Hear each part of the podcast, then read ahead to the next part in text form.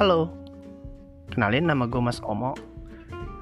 Di podcast gue yang namanya mau kenalan ini, gue akan memberikan sebuah podcast yang berisi dengan perkenalan-perkenalan dengan orang baru. Orang-orang ini adalah stranger-stranger gue dan kebetulan gue pengen tahu banget latar belakang dia. Cuman gue pengen tahu juga nih sisi lain daripada orang-orang yang baru gue kenal. Kenapa namanya mau kenalan ya? Balik lagi, gue memang mau kenalan secara lebih jauh kepada teman-teman ngobrol gue.